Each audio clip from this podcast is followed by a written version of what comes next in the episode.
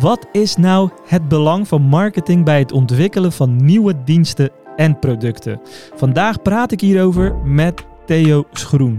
Theo is co-founder van Hooray. En Hooray is een uh, SaaS-oplossing uh, binnen de HR-wereld. Hij neemt ons mee in wat Hooray nou eigenlijk allemaal kan. Hoe ze op dat idee zijn gekomen om dat product in de markt te zetten. Maar ook hoe ze dat product in de markt hebben gezet. Hij neemt ons dus mee in allerlei marketingtactieken die ze gebruikt hebben. Die hun hebben geholpen om groot te worden.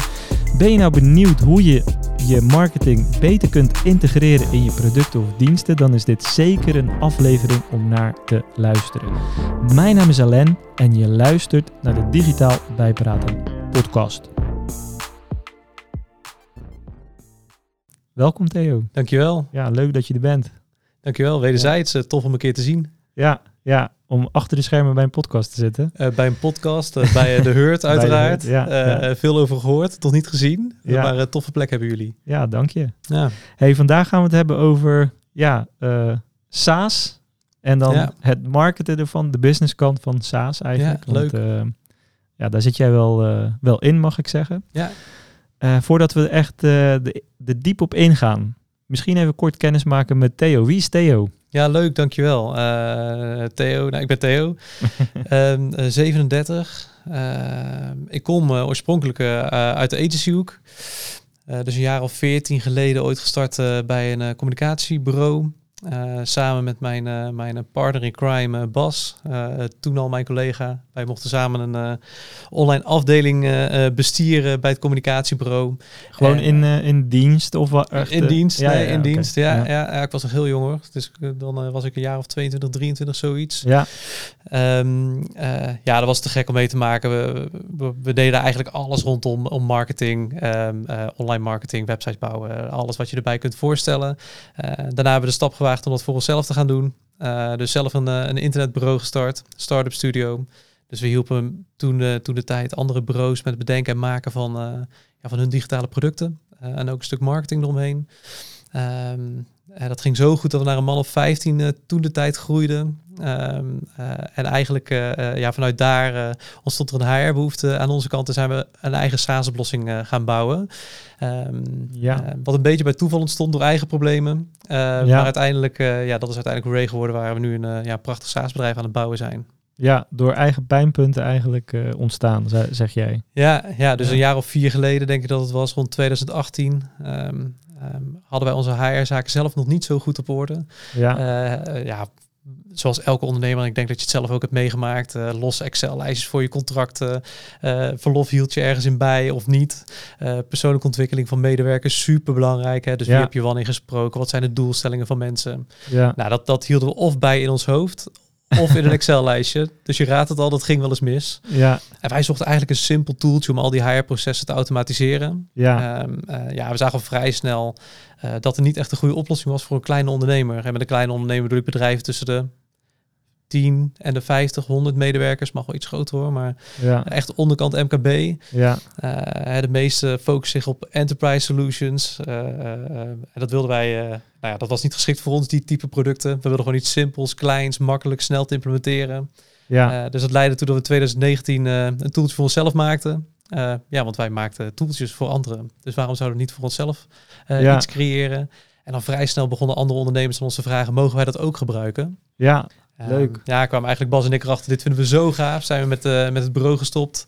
Full focus met uh, Hooray verder gegaan. Ja, nu uh, ja, honderden klanten, duizenden gebruikers. Ja. En dat in 2,5, 3 jaar tijd. Dus ja, dat is te gek. Dat is wel snel gegaan dan. Ja, ja, ja. ja. ja leuk.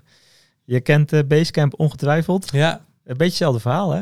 Basecamp, mag ik dat zo zeggen? Uh, nou, ik ken het verhaal niet super goed, maar... Um, Zij waren ook een agency. En ook uit eigen trouwens. frustratie met projectmanagement tools... Uh, ja. zelf besloten te bouwen. Ja, en, leuk. Ja, ja. Dat doen ze heel goed. Ik vind ook heel gaaf. Uh, ze hebben bijvoorbeeld een, een beetje irrelevant hoor, maar uh, misschien leuk als anekdote. Ze hebben een regel als uh, features door, door minder dan 20% wordt gebruikt van hun gebruikers, dan verwijderen ze het ook dan gewoon. gaat hij eruit. Ja, ja, ja, ik vind het heel knap.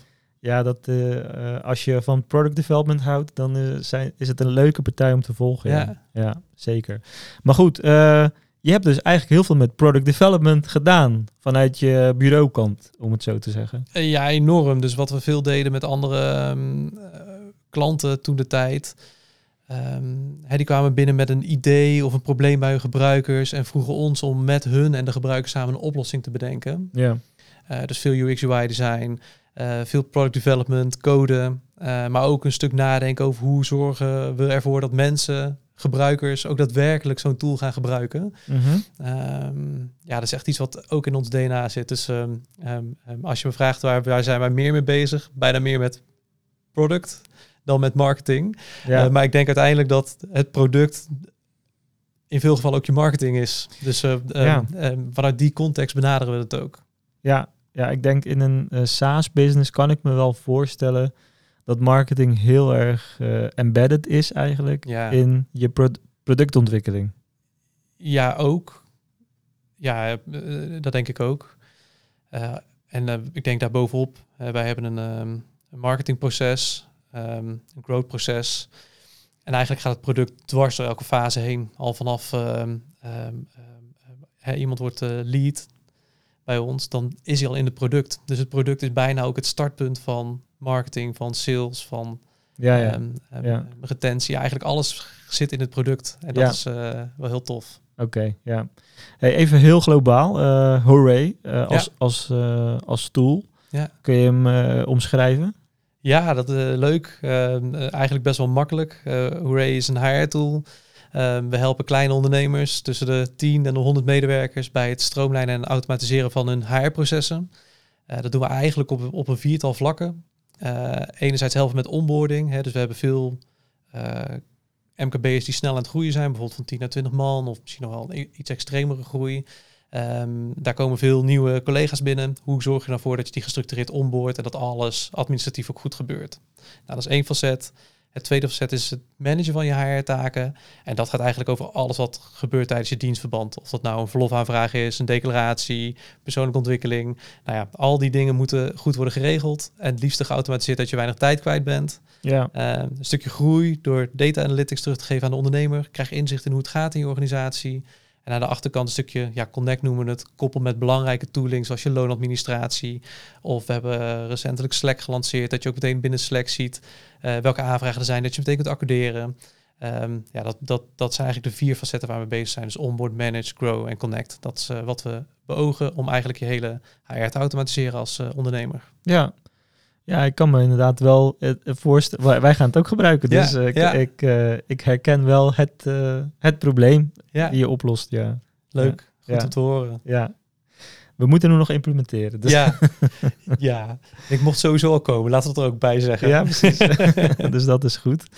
Hey, um, hey, ik wil het gesprek eigenlijk een beetje in tweeën uh, opknippen. Uh, laten we hem even labelen als de start-up fase van SaaS en de scale-up fase van SaaS ja, volgens mij kun je over die termen al heel lang discussiëren. Uh, maar in die start-up fase, ik beschouw het echt als de, zeg even de eerste twee jaar sowieso, waarin je waarschijnlijk ook veel aan het ontdekken bent. Wat werkt wel in je product en wat niet. En product market fit zit daar waarschijnlijk ja. in en zo. Uh, en dan met name op, op uh, het gebied van, ja, hoe pak je dan marketing aan? Ja, leuk. want dat zijn een beetje de luisteraars bij ons, hè, de, de marketeers. Ja. Hoe gaat, hoe gaat marketing nou in zo'n SaaS-business? Uh, ja, leuk. hoe is dat in, uh, in, in zo'n eerste jaar gegaan? Als je, je moet heel veel bootstrappen, denk ik. Ja, te gek.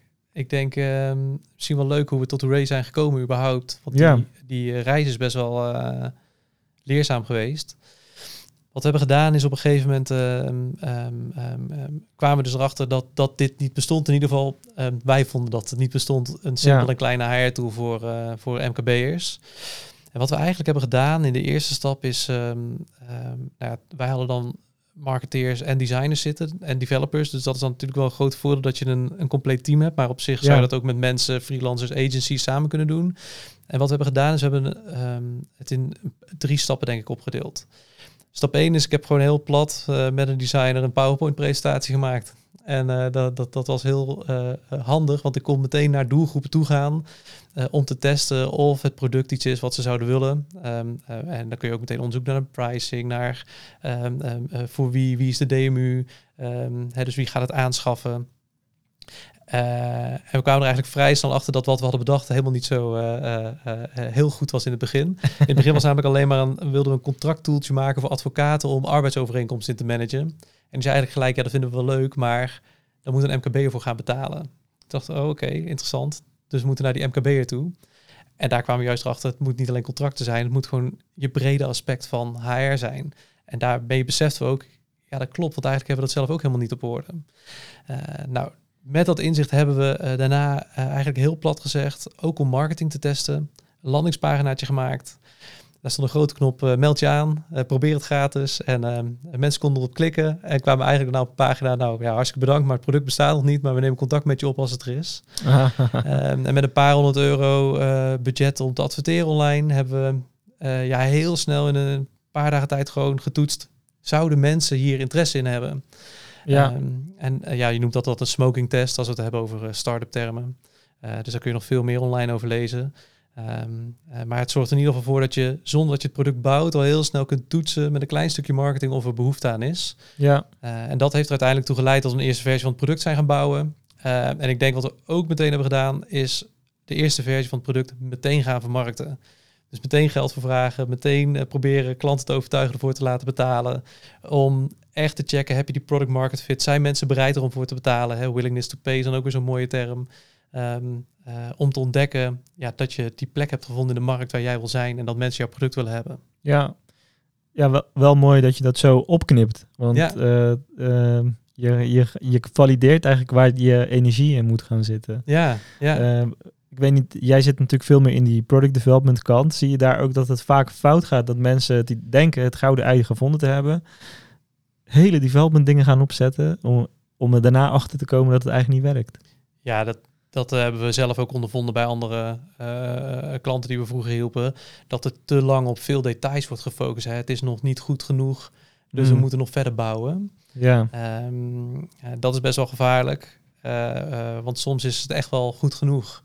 en we hebben een aantal features in het product zitten die we denk ik nu drie jaar lang niet hebben aangeraakt. En dat, nou ja, we hebben lijsten met verbeteringen, zeker. Maar het is ook wel gewoon dat mensen het toch goed genoeg vinden en het graag gebruiken. Uh, dus uh, ja, zorg dat je snel live gaat. Uiteraard uh, probeer niet te veel bugs erin te hebben. Dat is, dat is, dat is wel belangrijk. Ja. Maar wees er niet ehm, ja, bang voor, zou ik bijna willen zeggen. Ja. nee, het feit dat je zegt van ik heb gewoon een, een presentatie gemaakt en ik ging dat gewoon pitchen zonder dat er iets was. Ja. Dat is eigenlijk meer je visie en je idee valideren. Ja. Daar komt het op neer volgens mij. Ja, dan hadden wij het geluk dat we wel wat designers hadden. Dus we konden het wel iets mooier maken dan het was. Maar, nou ja, visueel maken is wel belangrijk. Ja. Hè? Om, het te, om het duidelijk te maken wat het product is, kan het wel heel erg handig zijn. Ja. Maar ja, op zich, als je een beetje handig bent, ja.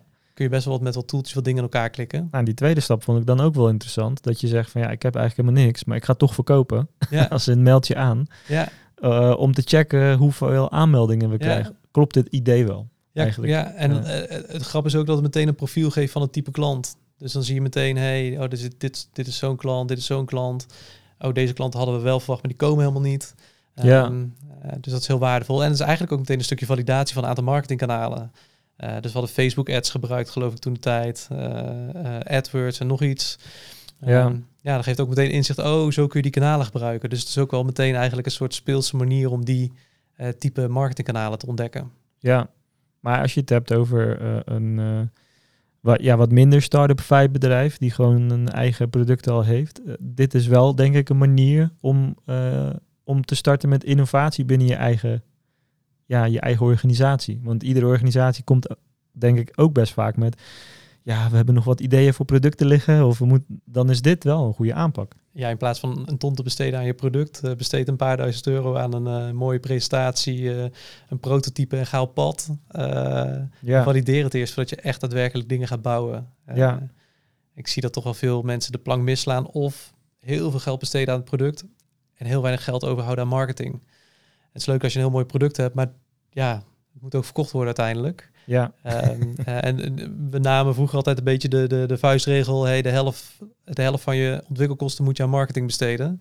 Ja. Dat, natuurlijk kun je over discussiëren, dat begrijp ik, maar het is meer uh, als statement. Zorg alsjeblieft dat, dat je ook gewoon en snel gaat marketen en dat je daar voldoende middelen voor, uh, voor hebt. Ja, nou, over die middelen gesproken. Je, uh, jullie waren eigenlijk een agency. Ja. En je ging de transitie maken naar eigenlijk meer een product-based eh, bedrijf. Hoe eh, hard is die transitie gegaan? Ik, ik kan me voorstellen dat je daar niet in één keer een knip hebt in gedaan. eh, Maar is dat een soort van organisch gegaan? Of? Ja, deels. Ik denk voor buiten, de buitenwacht was het echt een uh, In één keer knip. En eh, oké, wat gebeurt hier? Wat gaan die jongens doen? Ja, Ehm, eh, voor onszelf was dat minder. En dat heeft ermee te maken dat we op een gegeven moment ja, het gevoel hadden, we wilden heel graag gewoon een, een product naast de agency bedenken om een ander verdienmodel ook te creëren. Eh, jullie weten het zelf ook, eh, we hadden het in de voorbereiding ook een beetje over, maar als agency is het toch soms ook wel pieken en dalen. En als product kun je best wel een stabiel bedrijfsmodel creëren met veel recurring revenue. Dus terugkerende inkomsten. Ons model zijn maandelijkse licenties, dus nou ja, dat, dat, dat zorgt ervoor dat mensen ook gewoon lang eh, blijven als ze blij zijn met het product. En dus heb je een eh, soort stabiele inkomstenstroom. Ehm, ehm, dus wij hadden dat plan op een gegeven moment met onze agency, hey, wil er iets naast maken? Nou goed, we kwamen er ook al vrij snel achter dat een product maken, bouwen en vermarkten en alles eromheen eigenlijk gewoon een dagtaak is. En eh, dat je uiteindelijk moet kiezen, hè, dus waar, waar, focus je je op? Maar wat we wel deden is, we hebben heel het team eigenlijk meegenomen in die reis die wij voor ogen hadden om uiteindelijk een product te maken en uiteindelijk ook naar een productbedrijf te gaan. Uh, en iedereen vond het zo vet om daar onderdeel van te zijn, om, om, om als team zo'n product uit te denken, de eerste stappen te zetten, te kijken of we het vermarkt zouden krijgen. Um, en hebben eigenlijk gewoon elk loos uurtje in het product gestoken. En elke euro die we verdienen ging ook naar het product toe aan de marketingkant. ja. En zo hebben we dat gewoon heel lang, uh, of heel lang hebben we dat, uh, dat uh, anderhalf jaar ongeveer volgehouden. En toen hebben we gezegd, oké, okay, het gaat zo goed dit product. En we krijgen het niet meer bolgewerkt aan beide kanten. En we vinden het ook gewoon, ja, de, de, de, je wil ook gewoon de juiste kwaliteit bieden aan die klanten die je in je agency hebt. Dat we dachten, oké, okay, volgens mij is dit het moment uh, om die stap te maken om echt uh, het bedrijf uh, ja. ja. om te zetten. Dus te stoppen met agency en volledig een productbedrijf te worden. Ja, en kon je dan de operatie aanhouden uh, financieel gezien uh, ook in één keer? Of uh, heb je daar nog investeerders voor bij aan moeten trekken in het begin of iets? Ja, we hadden de hoop dat we het helemaal zelf konden doen. Maar dat heeft iedereen natuurlijk. Ja. Hè? zo, zo simpel is het. en ik denk ook wel dat het had gekund hoor. Hè, dus we, als we het langer hadden gestretched, dan hadden we het wel bereikt. Maar je moet op twee dingen denk ik letten. Eén gaat het niet ten koste van de kwaliteit van de dingen die je aan het doen bent. Uh, en het tweede ook gewoon, je, je, ja, is het goed voor jezelf uh, als uh, founder? Je kan nog harder werken, nog harder werken. Maar op een gegeven moment is het denk ik ook verstandig om dan te kiezen. Nee, laten we focussen. Energie halen uit de dingen waar je echt blij van wordt. Ja. en zorg dat het leuk blijft. En leuk is soms een beetje nou ja, subjectief, maar ik vind het heel belangrijk dat je je werk leuk vindt, letterlijk. Ja. Um, dus hebben we uiteindelijk toch voor gekozen om um, een stukje funding op te halen. Uh, de founders van uh, Moneybird zijn ingestapt toen de tijd. Um, en uh, ja, wij doen het nu met z'n, met z'n vieren. Dus het, het, de, de founders van Array en één externe aandeelhouder. En hebben een stukje overbrugging gecreëerd. En dat, ah. dat was heel fijn. Ja. Ah, mooi. Ja, gaf wat rust, denk ik dan. Ja, rust, maar ook ruimte. En uh, nou, je zag op een gegeven moment ook, uh, toen we dat hadden besloten, de groeipercentages omhoog vliegen. Uh, dat is natuurlijk ook een soort van bevestiging dat je de juiste keuzes hebt gemaakt op het juiste moment. En dat is natuurlijk, ja, ja dat geeft een enorm goed, goed gevoel. Ja, mooi. Hey, en team, je, heb je alle teamleden kunnen meenemen? Ja. en hoe groot is jullie team op dit moment? Ja, we zijn nu met z'n twaalfen. Ehm, we hebben uiteindelijk iedereen meegenomen, maar we hebben ook wel eigenlijk die zeg maar die, die, die uh, eerste anderhalf, twee jaar en eigenlijk dat jaar ervoor ook al, toen we nog geen product hadden, best wel bewust gekeken wat voor mensen hebben we nodig om uiteindelijk ook naar een productbedrijf te gaan. En die mensen zijn dus ook uh, uh, ingestapt in onze bedrijven of bedrijven met het idee, hey, dit gaan we doen. dus, dus die waren zich van bewust, hey, daar gaan we naartoe. natuurlijk, onderweg zijn er wel mensen die zeiden, hey, dit is toch niet mijn ding. Nou, dat kan ik me goed voorstellen, want je wordt echt wel een ander bedrijf. Ja. Um, en normaal heb je de dynamiek met klanten, dan heb je, heb je opeens een veel meer een interne dynamiek. Um, uh, uh, ja, dat, dat, dat, dat, dat eigenlijk. En nu ja, is het team weer 12 man. Ja. ja. En hoe zie je die groei nu verder ontstaan? Uh, want je hebt eigenlijk een product staan. Bij een bureau is het natuurlijk zo dat je gaat groeien door middel van je team uit te breiden. Want je kunt maar zoveel werk tegelijk aan voor je klanten. Uh, de, de, dynamiek bij een product-based uh, bedrijf is het denk ik heel anders. Je kunt heel veel extra klanten pakken zonder dat je daar extra capaciteiten voor hebt. Of is dat niet helemaal waar? Nou, dat is natuurlijk wel de holy grail die je Ja. eh, bij een product-based bedrijf hebt. Eh, en het is ook voor een groot deel echt wel waar. Ehm, hè, dus eigenlijk, ehm, als we naar het begin van dit jaar kijken, bijvoorbeeld, waren we grofweg met dezelfde mensen als nu. En de klanten zijn gigantisch toegenomen. Ja. En dus eh, je, je hebt het niet over een paar procent groei, maar over tientallen, honderden procent groei, zeg maar. Dus het gaat natuurlijk veel sneller eh, dan inderdaad eh, klanten aannemen en daar weer extra mensen voor nodig hebben in een agency. Eh, waarom ik het toch een beetje twijfelend reageer is, ja, het is niet helemaal zo dat, dat er niet meer werk komt. Tuurlijk komt er meer werk, hè? meer klanten, meer customer succes nodig, dus ondersteuning. Eh, eh, meer klanten betekent ook dat je nieuwe kansen gaat zien. Hè? Bijvoorbeeld in ons geval kijken we nu ook naar partnerkanaal. Hè? Dus, dus we doen nu heel veel directe marketing en sales. Dus mensen gewoon zelf één op één benaderen bij spreken en onboorden. hey, wat als we met partners, met een loonadministrateur of met een accountant samenwerken en zijn klanten aansluiten. Dus heb je ook andere type mensen nodig om dat soort processen te kunnen ondersteunen. Ja. Dus ja, je blijft wel ook wel groeien in aantallen, maar niet in eh, dergelijke mate bij een agency. ja, het staat niet meer eh, één op één in ver- verbinding met elkaar. Nee, nee, nee, nee. Ja, nee. ja. Is dat is op zich maar goed ook, want daar is het verdienmodel natuurlijk ook op, opge, opgestoeld om juist volumes aan te kunnen. Ja. Eh, het gaat Ja. ook om andere bedragen, eh, om het heel plat te maken. Ja. Hey, en wat heb je geleerd van eh, zeg maar de klantfocus? Want eh, ik kan me voorstellen dat de eerste, misschien eerste twee jaar heel erg zoekend was in welke segmenten interessant zijn en welke misschien minder aangaan.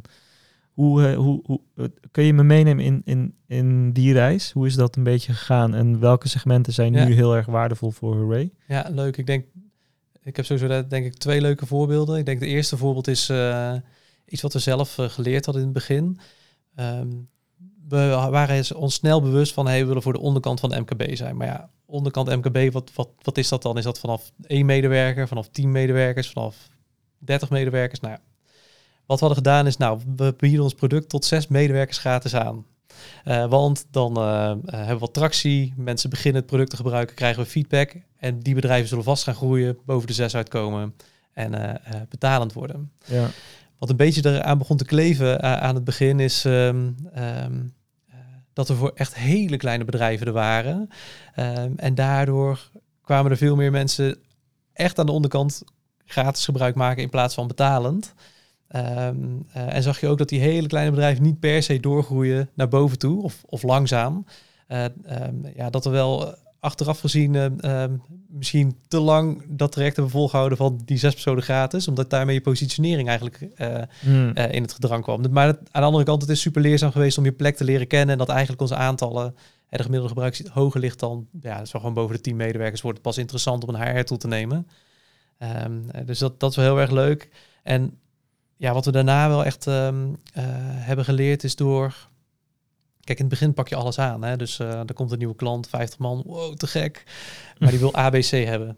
Eh, en A en B hebben maar C nog niet. Nou, laten we dan C bijbouwen. Maar ja, als iedereen komt en iedereen vraagt iets aan je, dan Ja. ben je voor iedereen bijna maatwerk aan het maken. ja, Ehm, ja, dan eh, maak je een Frankenstein-toeltje, denk ik. ja, nou en precies wat is onze kracht? Is door het klein te houden, simpel te houden. Ja. juist die opsmuk weg te halen, daardoor, daardoor snapt iedereen het ook.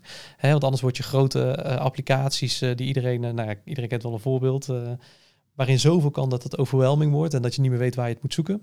Ehm, we hebben ook wel geleerd onderweg van, hey, stick to the plan, blijf bij je product. Ehm, ja, ja, vind die product market fit uiteraard, ja, maar ga niet op stel en sprong allerlei feedback eh, zaken doorvoeren in je product. ja. Ehm, eh, en blijf ook trouw aan je doelgroep. En eh, ja, ik denk dat we dat wel hebben moeten leren. Ja, ja. Ja. dat is iets wat heel belangrijk was geweest. Ja, en niet de verleiding voor maatwerk pakken bedoel je dan? Ja, Ja, ja. en ik, houd eh, het wel heel, heel goed bij hoor. Dus we hebben eh, heel veel eh, feedback. eigenlijk alle feedback noteren we uit eh, interviews, gebruikerstesten, uit demo's, uit chat van support. Alles wordt genoteerd. mhm. Ook om te kunnen kijken wat zijn nou de meest gevraagde features en dan pas besluiten te nemen. Wat pak je op in plaats van op basis van een, een salesgesprek bijvoorbeeld. Ja, ja ik las een artikel, dat was al heel lang geleden hoor, maar eh Adriaan Mol ken jij ongetwijfeld van Molly. Ja. Ja, die heeft eh, ook over dat maatwerkstukje. Overal in de code van Molly staat dan eh, een maatwerk is voor mietjes. Als een reminder voor die developers dat ze geen maatwerk moeten fixen. zeg maar. Ja, ja, ja, dat snap ik. Ja, het, is ook, het is ook wel leuk, want we hebben op kantoor vier eh, borden hangen met, ja, hoe zal ik het zeggen, een soort kernwaarden voor groei waar wij ons zelf aan willen houden. En ik denk dat er, er hangen de, even drie sowieso uit mijn hoofd die echt hiermee samenhangen. Misschien de vierde ook wel. De eerste is product-led growth. Hè? Dus, dus zorg dat het product zichzelf kan vermarkten. Dat het zo goed is dat iedereen denkt, dit wil ik hebben. het tweede is focus op je doelgroep. Nou, dat is dit ook. We blijf bij die doelgroep. probeer de verleiding te weerstaan. We krijgen soms ook als aanvragen van echt grote bedrijven, boven de 500 medewerkers bijvoorbeeld. En je hebt af en toe de, neig de neiging van, ja, dat, dat kan misschien wel passen. Ja. Ehm, eh, maar ja, dat, dat past eigenlijk toch net niet. En dan ga je allemaal kunst en vliegwerk bedenken om het maar passend te maken. En dan, dan kun je beter wegblijven. En de andere, andere is schaalbaarheid en uh, self-service. Dus het product moet schaalbaar zijn. Nou, dan moet maatwerk moet je ook al helemaal niet aan beginnen. Want dan ja, kun je het niet over een hele grote homogene groep gaan uitsmeren. Maar dan is het voor een paar bedrijven relevant. Uh, en self-service, ja, wij moeten echt grote aantallen willen we aan. Dus moeten mensen ook zelf uit de voeten kunnen met het product. Ja. Uh, dus ja, daarover nadenken is voor ons heel belangrijk. Ja, die uitgangspunten zijn denk ik wel belangrijk om te hebben. Uh, want je, je verliest jezelf misschien in de dagdagelijkse. Ja. En uh, ik snap wel de verleiding van een lead met 500 medewerkers. Ja. Ja. ja, dat begrijp ik wel. Ja, maar we hebben er toch liever meerdere kleintjes dan één hele groot, als ik heel eerlijk ben. Oké, ja helder. Uh, maar goed, om terug te komen op die klantsegmenten. Jullie zijn er dus eigenlijk dan achter gekomen niet onder de 10. Nee. Uh, en is het dan niet boven de 100? Of? Nou, ik denk, uh, we hebben een... Um, we hebben een lijstje met klantcriteria, dus we proberen ons niet te veel te focussen op branches. Um, omdat branche niet per se in ons geval alles uh, mm -hmm. zegt. Wat we wel doen, we scheiden de markt in tweeën. Dus wij hanteren, wij kijken naar de markt non-desk en desk. Non-desk en desk. Ja, en non-desk is voor ons uh, retail, hè, dus een supermarkt of een winkel, horeca. Ja. Um, um, waarom, en, en de andere kant desk is uh, nou ja, onze type beroepen uh, of een accountant, softwarebedrijven, webwinkels. Nou ja, zo kun je er heel wat opnoemen. En waarom doen we dat? Omdat we zien in die non-desk kant is ook een behoefte aan roostering. En dat is iets wat wij in onze HR tool helemaal niet doen. Uh, uh, en dat is zoiets specifieks voor eigenlijk die type bedrijven. Um, um, dat, en dat heeft de deskkant eigenlijk helemaal niet nodig. Hè. Dus een deskkant heeft gewoon een voorspelbaar rooster. Uh, waarvoor we zeggen, hey, dus, dus we laten die links liggen en we kiezen echt voor desk. En dan kiezen we tussen de 10 en de 100, 150, 200. En waarom twijfel ik over die hoogte? Is meer hoe de organisatie in elkaar steekt. Uh, we hebben soms klanten die met 200 medewerkers zijn, maar zijn verdeeld over vier uh, landen of vier units of vier BV's, waardoor het opeens toch op zichzelf staand kleinere uh, teams onderdelen zijn en ja. dan is het super goed te behappen. Uh, maar als het complexe architectuur krijgt dan in de organisatie, dan past het weer minder goed bij ons. Dus het hangt een beetje daarvan af. Mm. Um, en de andere ding is wat echt waar we op letten is, zijn ze groeiend? Dat is namelijk interessant voor ons verdienmodel. je betaalt per ons per gebruiker. Is je bedrijf groeiend, dan is het uiteraard voor ons interessant. En waar komen ze vandaan? Als, kijk, als een bedrijf van Excel komt, dan weten we bij voorbaat, nou, wij maken zoveel verschil voor die klant binnen een week, bij wijze van spreken. Uh, ja, dat ze heel snel uh, voor ons zullen kiezen. En als ze dan ook nog een beetje digitaal werken, dat doen veel bedrijven overigens tegenwoordig, dan is het uh, voor ons heel waardevol. Ja, ja, helder. En hoe, hoe ben je dan in, in, in die start-up fase nog steeds? Hoe, ben hoe kom je dan aan die klanten? Wat heb je aan marketing gedaan dat klanten bij jou uit gaan komen? campagnes, uh, koud bellen. Wat heeft het beste gewerkt? Uh, nou, wij zijn op zichzelf als eerste stap gewoon in ons netwerk begonnen. dus um, we zijn heel snel begonnen met een uh, pilotgroep te maken. Dat is eigenlijk nog echt in de, de, de, de fase waar we in het product bouwden. kunnen we 10, 20 ondernemers vinden in ons netwerk die zeggen, hey, te gek idee, ik wil het graag gebruiken in ruil voor feedback. Nou, dat is voor ons heel belangrijk geweest om überhaupt gewoon het product goed te krijgen. Um, het tweede wat we hebben gedaan is uh, snel naar uh, kanalen zoeken die intent-based zijn. Dus um, hey, intent-based kanalen zijn kanalen waar mensen een, een, zoekintentie hebben om iets te gaan kopen. Bijvoorbeeld als je zoekt, zoekt op Google naar uh, eh, HR-software, nou, dan kunnen we best wel zeggen dat de kans groot is dat jij een, zoek, een, een aankoopintentie hebt om HR-software te gaan kopen. Um, dus we zoeken heel allereerst zoeken naar intent-based kanalen die een beetje betaalbaar zijn. Nou, dat kun je heel goed meten of het betaalbaar is uh, door um, een growth proces te creëren waarin je echt meet uiteindelijk, uh, hey, hoeveel heeft die klant gekost? Ja. Uh, dus de, dat noemen we dan weer de CAC, de Customer Acquisition Cost. dus zorg dat je uiteindelijk niet meet op basis van wat kost een lead bijvoorbeeld, of wat kost een klik. Nee, wat kost een klant versus hoeveel omzet levert die op. dat zegt je veel meer over hoe je dat kanaal, hoe goed dat kanaal is dan, ehm, nou ja, ja. dan bereik bijvoorbeeld. Ja. Ehm, dus we zochten heel snel internet-based kanalen. Dan kun je denken aan AdWords, dan kun je denken aan vergelijkingswebsites. Ehm, eh, dus dat hadden we als eerste snel neergezet. Dus dat zorgt eigenlijk ook heel makkelijk voor een stukje basisgroei die altijd doorloopt. Want dat is er gewoon. Ja. Het andere wat we hebben gezocht is naar ja, gratis kanalen tussen aanhalingstekens.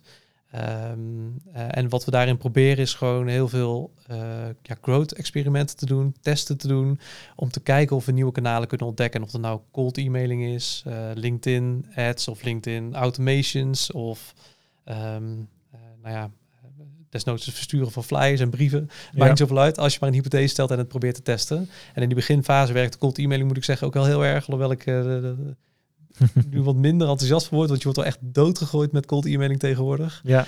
Um, en LinkedIn werkt ook echt heel goed om gewoon de juiste mensen, de juiste personen te zoeken die binnen je klantsegment passen. Ja. Um, ja. ja. Uh, op dit moment doen jullie daar nu veel mee met LinkedIn? Um, we worstelen met LinkedIn. Uh, we doen er veel mee en we worstelen een beetje mee. Ik denk wat we er veel mee doen en wat echt goed werkt, is we krijgen vaak leads binnen. Dus mensen melden zich aan voor uh, een demo of voor een product uit te proberen. Mm -hmm. um, en er wordt niet altijd op de e-mail gereageerd, wat ik snap. En er is niet altijd een te telefoonnummer beschikbaar, wat ik ook snap. Uh, en het is dan toch wel een makkelijke manier om snel gewoon even één op één contact te zoeken met iemand. hey, je hebt het product uitgeprobeerd. Vind je misschien leuk? Heb je vragen? Vind je misschien leuk om een demo te krijgen? Uh, en dat is wel echt een makkelijke manier om um, ja, mensen in contact mee te komen. En ja, schroom gewoon niet, zou ik bijna daarin zeggen als je maar gewoon netjes houdt en niet te salesy bent, niet te verkoopachtig bent, maar echt vanuit de servicegerichtheid contact opneemt, dan waarderen mensen dat heel erg. En dat menen we ook echt dat mensen echt contact om ze te helpen. Waarmee worstelen met LinkedIn is, uh, we hebben heel veel geprobeerd rondom LinkedIn ads, dus uh, betaald adverteren. Ja, het is echt vrij kostbaar. En uh, we vinden het lastig om het eruit te krijgen, uh, moet ik zeggen. Ja. Ja. ja. Ja, ik hoor dat wel vaker hoor. Ehm, ja, ik denk dat het lastige daarvan is, is Ehm, heb je dan bijvoorbeeld één type advertentie gemaakt, wat meer gericht is echt op de demo-aanvraag, kan ik me voorstellen? Ehm. dus je kan natuurlijk heel goed targeten op LinkedIn. Als in, ik, we willen uh, bedrijven van 50 tot uh, eh, 200 man in ja, Nederland. Ja, ik wil de, HR manager, de, HR, office manager. Ja, zeker. Ja, dus die, die target je dan, neem ik aan. Ja. En met een soort van aansturing op vrijblijvend testen of uitproberen. Ja, dus we hebben het rechtstreeks geprobeerd te, zeg maar, op het product, dus op, het, op de pijn, op het probleem. We hebben het ook wel geprobeerd door gewoon content te delen en te kijken hoe we daar bereik mee kunnen genereren. En of dat dan uiteindelijk doordruppelt naar, uh, naar het product toe. Hè, dus dat mensen toch verleid worden om uh, te gaan uitproberen. Uh, ja, ik moet zeggen, in, in alle gevallen, het werkt wel, maar het is gewoon best wel kostbaar. Ja. Ehm, en ik denk zeker ook in die start-up fase waar je refereert, je hebt beperkt middelen, je moet keuzes maken. Uh, hè, dus als je een stap verder zou zijn, zou je misschien wel meer geld hebben of meer funding ophalen. En dan nou ja, mogen de kosten ook best wel oplopen. Um, maar in die start-up fase ja, hadden we er wel moeite mee om dat kanaal echt goed draaiende te krijgen. Ja. Um, ja, door, gewoon door de kosten. Zo, zo simpel is het eigenlijk. Dus die kost per acquisition uh, waar je het over hebt, dat, dat, is op bij LinkedIn, zeg jij, voor jullie in ieder geval vrij hoog. Ja, en, je, uh, en daar tegenover gezet is dus ook uh, wat het oplevert. Hè. Dus uh, je betaalt bij ons 4,5 euro per medewerker per maand. Nou ja, ben je met 20 man, dan heb je het over 90 euro per maand. Ja, dat is allemaal de wereld niet. En dus de deal size aan onze kant, dus wat het oplevert, is natuurlijk veel lager dan bij een enterprise of bij een agency waarin je veel grotere bedragen omzet hebt per deal. Um, dus daar, ja, dat is ook natuurlijk de worsteling ten opzichte van dat. Um, en dat het ook wel ja, lagere kosten te besteden hebben om dat soort dingen te doen. Ja, ja maar dan uh, als je naar de ROI kijkt, is de ja, misschien weer wat dure woorden, maar de customer lifetime value speelt ook een rol. Want als zo'n klant van 90 euro per maand vijf jaar klant blijft, dan heeft hij een hele andere waarde dan. Zeker, uh, maar dat, dat is denk ik dus de discussie: uh, is het het waard? Soms is het wel waard, maar de andere discussie is: heb je op dat moment in die start-up fase het geld om dat te besteden? Juist, ja. ja. En daar zul je dan uh, creatiever moeten zijn in die fase. En later wordt het makkelijker. Ja, Eh, en AdWords bijvoorbeeld, heeft dat in het begin, eh, was dat effectief? Ehm, deels een beetje hetzelfde. Hè, in onze, eh, eh, eh, we hebben niet superveel concurrenten die zich focussen op eh, klein MKB. Hè, dus we maken echt specifiek voor hen een product. En dat maakt wel dat we daar eh, heel snel in kunnen groeien. Maar als we naar enterprise kant kijken, dan hebben we best wel veel hele grote concurrenten. eh, die natuurlijk een veel grotere spend hebben voor AdWords. Ja, Eh, dus daar hebben ook wel op bezoeken. Ehm, maar in de longtail zien we wel echt, dus longtail bedoel ik mee, eh woordcombinatie bijvoorbeeld.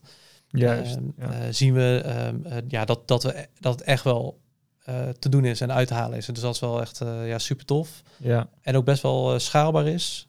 Ehm, eh, zeker ook als je eventueel naar het buitenland zou gaan kijken, dan wat je hier leert kun je in het buitenland ook voor een deel eh, gebruiken. ja. ja, want dan heb je woorden zoals HR software of HR tool is dan de, eh, te breed misschien, want dan heb je inderdaad die enterprises, eh et cetera. Ja. Maar als je die longtail pakt, HR tool... eh, Nederland bijvoorbeeld, Nederland. HR Tool Nederland of eh, beste HR Tool of nou ja, noem allemaal dat soort varianten op. Ja, daar merk je... eh, en de, de klikkosten zijn waarschijnlijk een stuk lager. Ja, Eh, ook lagere volumes, maar wel een stuk gerichter. Ja, dus het kost wel wat meer tijd om het eh, goed draaiende te krijgen. En ik denk wat we ook wel goed hebben gedaan is vanaf het begin, hè, als je nou hebt over kanalen die gratis zijn, tussen aanhalingstekens gratis, het kost veel tijd, eh, is SEO. Dus ehm, eh, zorg niet dat je, wat wij hebben geda- de gedachte was, ja, AdWords leuk, maar laten we in ieder geval ook on the site werken aan onze eigen organische posities, zodat die dure woorden die nou, voor AdWords nu niet te, te, te, bereiken zijn, dat we die wel op termijn kunnen bereiken met een organische positie. En daar hebben we best wel gestructureerd aan, eh, aan gebouwd door eh, blogging, landingspagina's, door slimme samenwerking, dat we een stukje linkbuilding kunnen creëren. Ehm, eh, ja, dat heeft best wel snel resultaat opgeleverd. Ja, dus SEO is wel ook een belangrijk kanaal voor jullie dan. Ja, zeker. Ja. Ja, ja. Zie je daar ook betere conversies op ten opzichte van paid? Even. Nee, ik denk dat Peet wel beter converteert uiteindelijk. Ja? Oké. Ja, omdat je daar zo gericht op één woord zit en dat je dat echt helemaal kunt doormeten. Dus je kunt gewoon zeggen, hey, dit woord en dan helemaal doormetend eh, wat het oplevert. Terwijl een stuk content, een landingspagina, ja, je focust op een woord, zeker. Maar er zitten vaak meerdere woorden in één artikel. Juist. Ehm, ja. eh, en je weet niet precies hoe ze binnen zijn gekomen. Want dat is iets wat best wel lastig is eh, eh, Te meten, ja. te meten. Of eigenlijk is het gewoon niet te meten.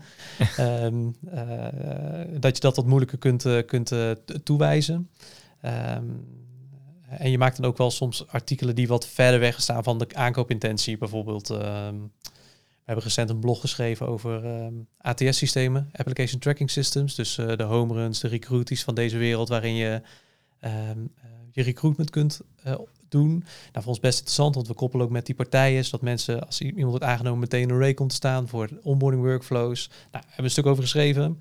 Als iemand zoekt naar een recruitment softwarepakket, is niet per definitie dat ze een HR-pakket zoeken. Ook al is het natuurlijk hartstikke fijn dat ze in aanraking komen met ons. Maar vandaar dat ik zeg, SEO is niet per se altijd, eh, eh, zit, niet zo dicht op de aankoopintentie als ehm, eh, AdWords in dat geval. Ja, helder. Oké. Eh, eh, dan even als laatste misschien eh, rondom de kanalen en mogelijkheden. Eh, werken jullie met lead info?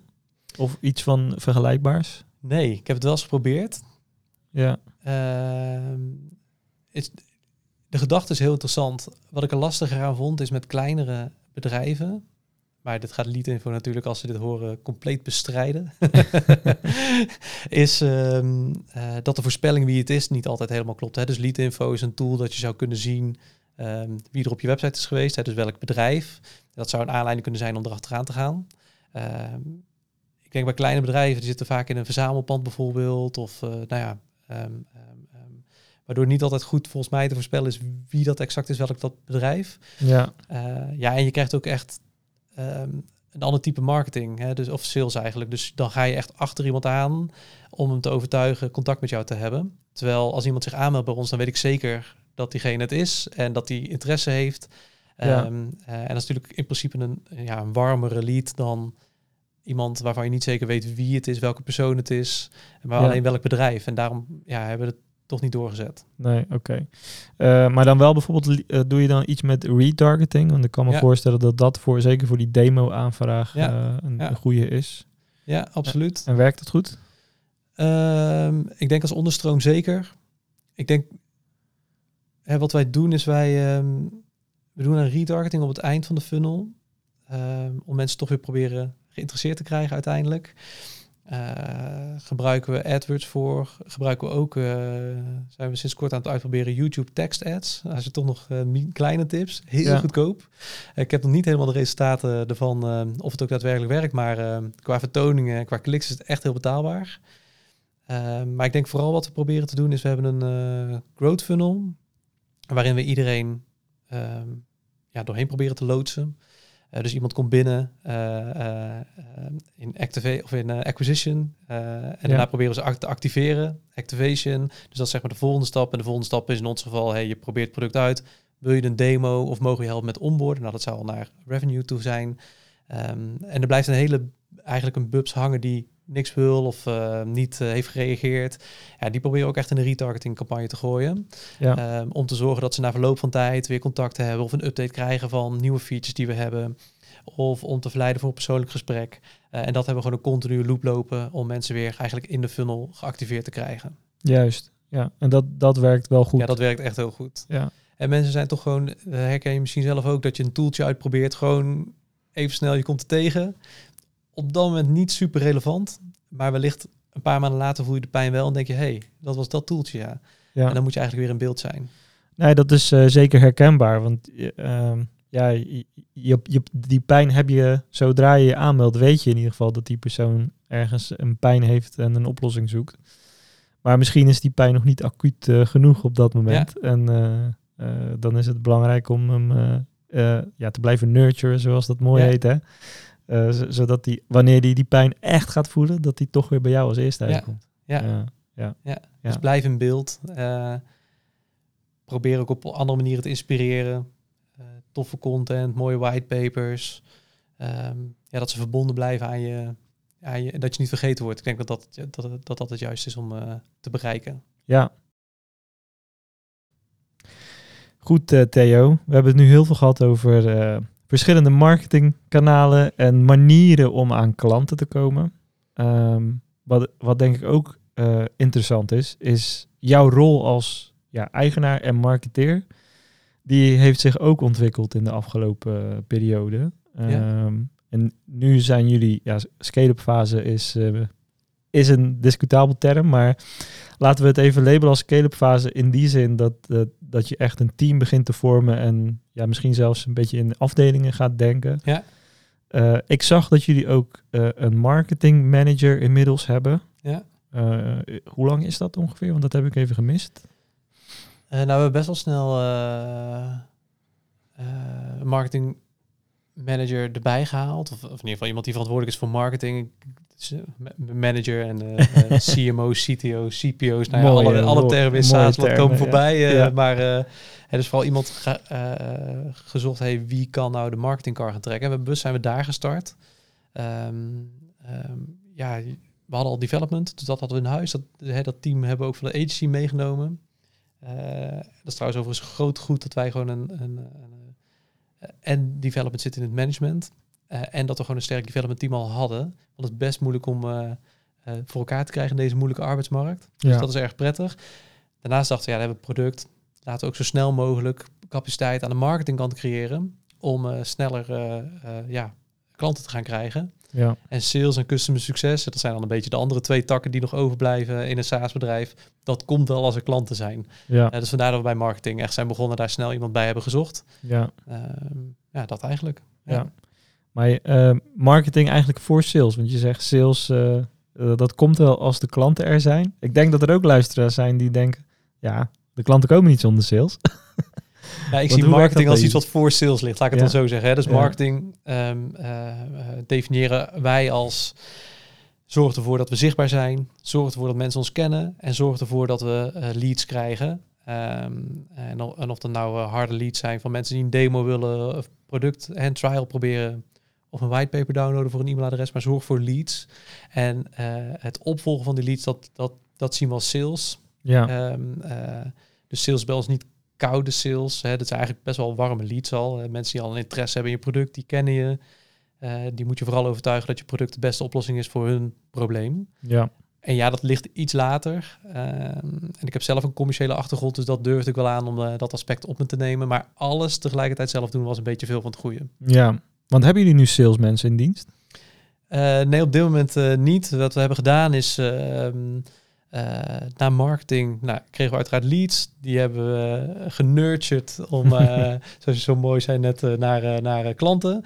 Um, het eerste wat we nu hebben opgetuigd, dus dit jaar was een van de doelen, is een customer success team. Hè, dus customer success is eigenlijk zorgen dat klanten enerzijds goed geonboard worden. Hè, dus, en anderzijds dat ze het product naar tevredenheid gebruiken en blijven gebruiken. Ook een stukje retentie ja. daarin. Um, en waarom is dat ook belangrijk? Is dat um, wij hebben niet alleen maar uh, diegene die het aanschaft, dus de ondernemer, de HR-manager als gebruiker, maar ook de medewerker. En beide moeten ze het goed gebruiken, beide groepen, uh, om het maximale uit uh, een gestroomlijnd HR-proces te halen. Dus vandaar dat we zeiden, laten we custom succes oprichten um, en voorlopig sales meehobbelen. nou, ik verwacht wel dat we daar als eerstvolgende stap mensen aan toe gaan voegen, want het wordt gewoon, nou ja, te veel om in het huidige team op deze manier op te lossen. Ja, ja, zoals je het uitlegt, dan kun je misschien ook juist de andere kant ervan benaderen. De ene kant, wat ik net zei, ja, zonder sales krijg je toch geen klanten. Maar hoe jij het nu uitlegt, is eigenlijk, ja, um, het proces en het product, daar is eigenlijk niet echt sales voor nodig, zoals je sales kent. In de zin van, ik ga inventariseren wat je wensen zijn, ik ga een offerte uitbrengen. Ja, het is, heel, het is een heel simpel prijsmodel. en je kunt gewoon een berekening maken als klant. Ik heb zoveel medewerkers, dat gaat me zoveel kosten. Ja. En dat is wat het is. Ja. En de, de Customer Success Manager, zoals jij dat Ja. noemt, dat gaat veel meer over ervoor zorgen dat het tool eh, optimaal gebruikt wordt. Ja, dus iemand is dan eigenlijk al door de besluitvormingsfase heen. Ja, En ik denk ook heel vaak eh, als mensen het product uitproberen of zien of de propositie zien. En ik, ja, bijna iedereen snapt het ook meteen, want het is ook niet zo ja, complex. Mhm. Ehm, dat is al vaak, eh, nou ja, zijn ze voor de helft meer overtuigd van nee, oh, dit heb ik eigenlijk nodig. Dus je hoeft het ook niet echt te verkopen. Het is meer uitleggen. Wat kan er allemaal? Wat is mogelijk? Oh, je wil eh, die integratie met die partij. Ja, die hebben we. Dat werkt zo. ja. Ehm, dan, eh, dan echt koud verkopen. Ik krijg wel eens de vraag, dat is wel grappig. wil je een offerte sturen? Dan zeg ik ja, kan, maar het is 4,5 euro per medewerker per maand en er zijn geen addertjes onder het gras. Dus ik denk dat je het zelf kunt uitrekenen. Dan moeten mensen ook wel lachen. Eh, ja, het is een soort gewoonte, denk ik ook, voor eh, sommige bedrijven. ja. En wel grappig als je dan toch een eh, offerte template maakt met een A4'tje en dan één zin erin. Ja, ja, ja. ja. Maar goed, oké. ehm, je zegt toch wel misschien sales erbij. Wat zou dan de rol zijn voor sales in zo'n eh, traject wat jullie hebben? Ja, eigenlijk de gesprekken voeren met de klanten die geïnteresseerd zijn. Ja. Ehm, dus is dat echt sales? Dat is moeilijk. eh, eh, Zou, zou ja. eerder misschien bijna consultancy zijn of zo? Van hey, hoe kun je je operatie nou goed inrichten en hoe kan onze tool daarbij helpen? ja, Dan dat het echt sales is, kan ik me voorstellen. Ja, ik snap wat je zegt. Ik moet zeggen dat, dat we ook dan die discussie ook wel intern hebben van ehm, wat voor, stel je zou een vacature tekst schrijven, wat voor rol zet je erboven? Ehm, ja. ehm, eh, en daarin zien we ook wel dat, dat SaaS is zo erg, nou bijna specialisme, dat we steeds nadrukkelijker ook zoeken naar mensen die eh, al een keer in een SaaS-bedrijf hebben gewerkt, Hm. Ehm, om die mechanismes te snappen, nou ja, waar we het ook een beetje over hebben. Eh, ja, dat helpt wel heel erg. Dat het niet sales is als een vertegenwoordiger die, eh, nou ja, dat is wel heel erg cliché hoor, op pad gaat eh, met zijn auto naar eh, klanten. Met zijn mappie. Met zijn mappie, ja, met zijn koffertje. Dat is natuurlijk helemaal niet meer hoe het is. Hoor. Dat snap ik ook weer wel. Maar even, ja, dat is het gewoon, ja, gewoon niet. Het, het is gewoon ehm, eigenlijk leadopvolging. Ja. En, Ja. mensen erbij houden. Een stukje sales automation bijvoorbeeld. Hè, dus hoe kun je die aantallen leads ook met weinig capaciteit managen? Dus hoe kun je daar een stukje automation op loslaten? ja. Ehm, ja, het is ook wel andere ehm, skillset die je nodig hebt. Dus niet een eh, ja, niet, niet sales sales om het zo. eh, Ja, precies. zeggen. Ja. Hey, en en eh, jouw rol, je hebt heel veel met marketing gedaan. Tenminste, daar, daar, daar heb je heel veel affiniteit mee. J- jullie groeien nu. Ja, jouw rol is CEO, als ik het ja, goed heb gezien. ja. Ook zo'n Eh, groot Ook zo'n mooie titel. ja, ja.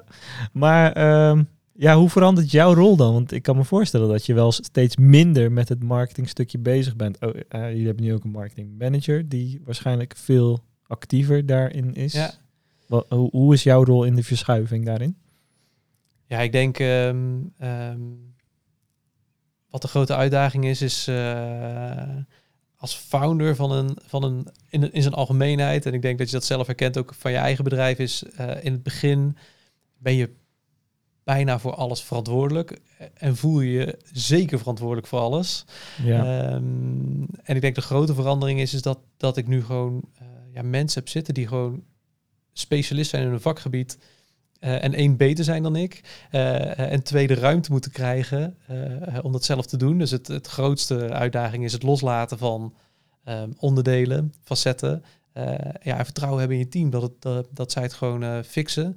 Maar ze vooral te blijven inspireren met nieuwe ideeën, met richtingen. Of even meedenken als het wat complexer wordt. En ze komen, mensen komen er even niet uit om gewoon je gedachten erbij toe te voegen. Mhm. om ze weer een nieuw inzicht mee te kunnen geven. Ja, dat is Ja. wel echt grote verandering. Waar ik bij spreken zelf eerst een AdWords campagne draaide en maakte en in elkaar zette. ja. Eh, doe ik dat natuurlijk nu compleet niet meer.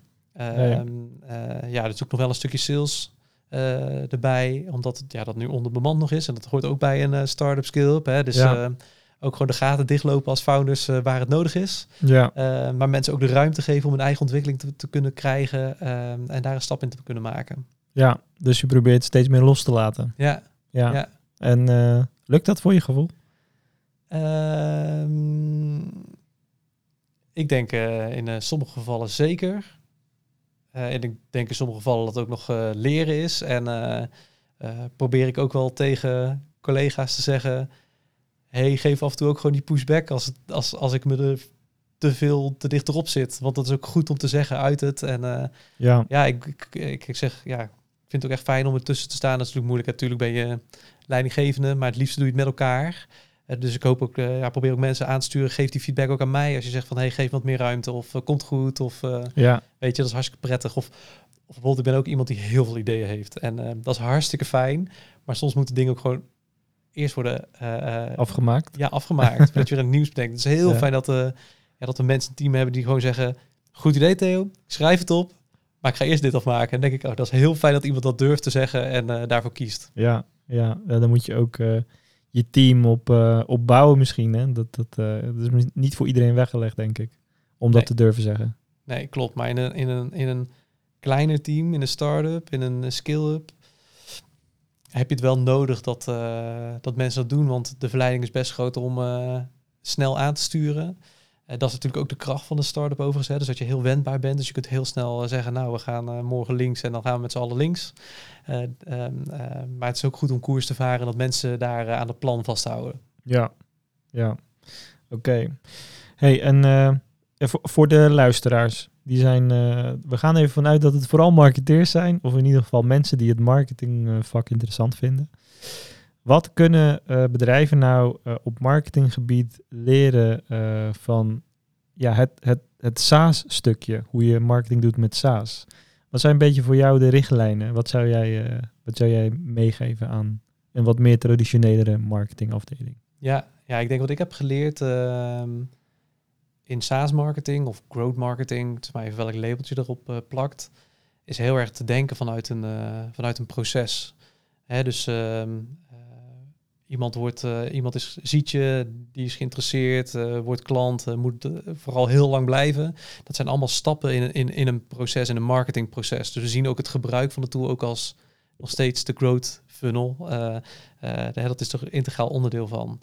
En als je, we, we, we hebben per fase hebben we ook gewoon groeidoelstellingen die we willen bereiken. En als je, dan kun je namelijk in een proces gaan kijken waar, gaat, waar loopt het nog niet goed genoeg of waar bereik je je doelen nog niet. Waardoor je makkelijker kunt gaan bijsturen ehm, om eh, sneller te kunnen groeien of om langer klanten te kunnen vasthouden. Hang maar even vanaf wat, waar je issue zit. Ja. En door in elke fase een paar procent te groeien, ja, dan groei je al snel tientallen procenten bij elkaar over je hele funnel heen. En ik denk die gestructureerde manier van kijken naar je sales funnel, naar je growth funnel, ehm, ja, is iets heel waardevols waar SaaS-bedrijven gewoon heel goed in zijn. Ehm, ehm, en wat ook maakt dat dat soort bedrijven snel eh, eh, weten te groeien door in dat soort ja, groeiproce- groeiprocessen te denken. En ik denk dat daar eh, traditionele bedrijven ja, veel van kunnen leren om ook in processen te denken als het om groei gaat. Ja, oké. Hoe kun je dan zo'n proces, als je hem wat, misschien eenvoudig uitlegt, dan heb je het over een, een sales funnel, denk ik. Ja. Ja. En hoe knip je dan zo'n sales funnel globaal in? En heb je dan bepaalde KPI's per fase?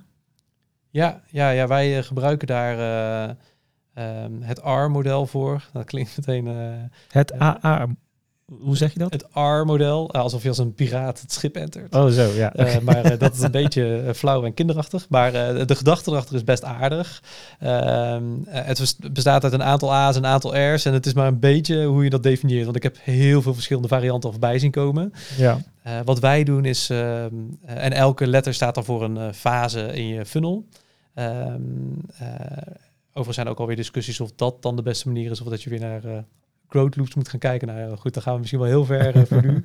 Ehm, eh, bij ons gaat het, waar gaat het bij ons om? Is enerzijds eh, de eerste A is voor ons awareness. Hè, hebben we- zijn we zichtbaar? Bijvoorbeeld kijken we naar hoeveel mensen zien onze website. Even heel plat. Dat, zou, dat is een metric bij ons. ja. Ehm, eh, awareness, acquisition, hey, eh, melden ze zich ergens vooraan. Activation, hey, gaan ze dan ook daadwerkelijk het product uitproberen? Revenue, gaan ze betalen?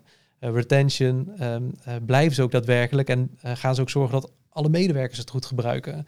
En referrals, dan ons laatste stap, hey, zijn de mensen er super blij mee? En zo ja, zijn ze dan ambassadeur van ons product en kunnen we ze gebruiken ja, om ons product aan te raden naar buiten toe? Nou ja, dat, dat zijn een beetje de stappen waar wij in denken. ja. En dit is ook wel gewoon een beetje ja, standaard ehm, growth funnel eh, principe. ja. Eh, en je kunt er allerlei eh, A's of R's bij plakken. Het hangt ook een beetje van je eigen context af, van je eigen Ja. product af. De een zegt bijvoorbeeld dat retention voor revenue is. Hè, dus dat je eerst moet zorgen voor het gebruik van het product voordat mensen gaan betalen. Nou, ja, er is geen goed of fout, maar het gaat mij er vooral om, om mee te geven is denk in een vast proces. ja. Want dan kun je het gaan optimaliseren. Dan kun je gaan sleutelen. Ja, Ja. ja. Ja, want ik denk dat veel de traditionelere marketingkanten dat, dat ze dat niet echt hebben. Als ik ook kijk in de samenwerkingen met, eh, met leads eh, die bij ons komen, eh, die komen dan bij ons en ze hebben heel veel dingen opgetuigd, maar niet per se in, in, in zulke stappen, zeg maar. ja.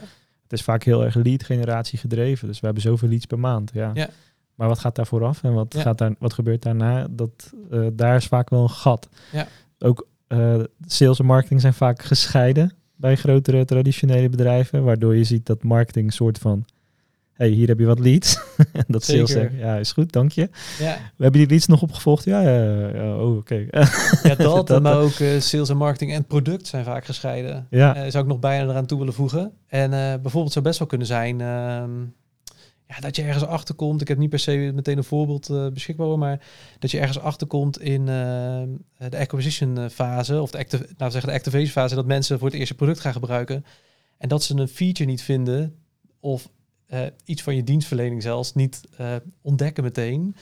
Terwijl ze daarnaar op zoek waren. En als je dat zou hebben getoond in je product of in je dienstverlening, eh, dat ze meteen zeiden, oh wauw, ja, daar was ik naar op zoek. Dus ook het product heeft wel degelijk ook invloed in het proces van je ja, van sales en marketing en in je funnel dus. ja, ja, Ik zeg met let ook even dienstverlening om ook andere type. Ik denk dat bij elk type bedrijf bijna toepasbaar is. ja. Eh, in een vorm. Hè. Dus eh, ik zeg niet eh, dat dit de vorm zou moeten zijn, maar Nee. dat, ja, dat je in dat vaste, in vaste proces durft te denken. Ja, en belangrijk eigenlijk ook om de duidelijke KPI's met elkaar af te stemmen. Wat betekent succesvol zijn in dit stadium van het proces? Ja, en ook iets wat eenvoudig te meten is. Want je kan wel een eh, gigantische formule bedenken waar je heel veel data voor nodig hebt. Ja, één, heb je die data? Kun je het überhaupt meten?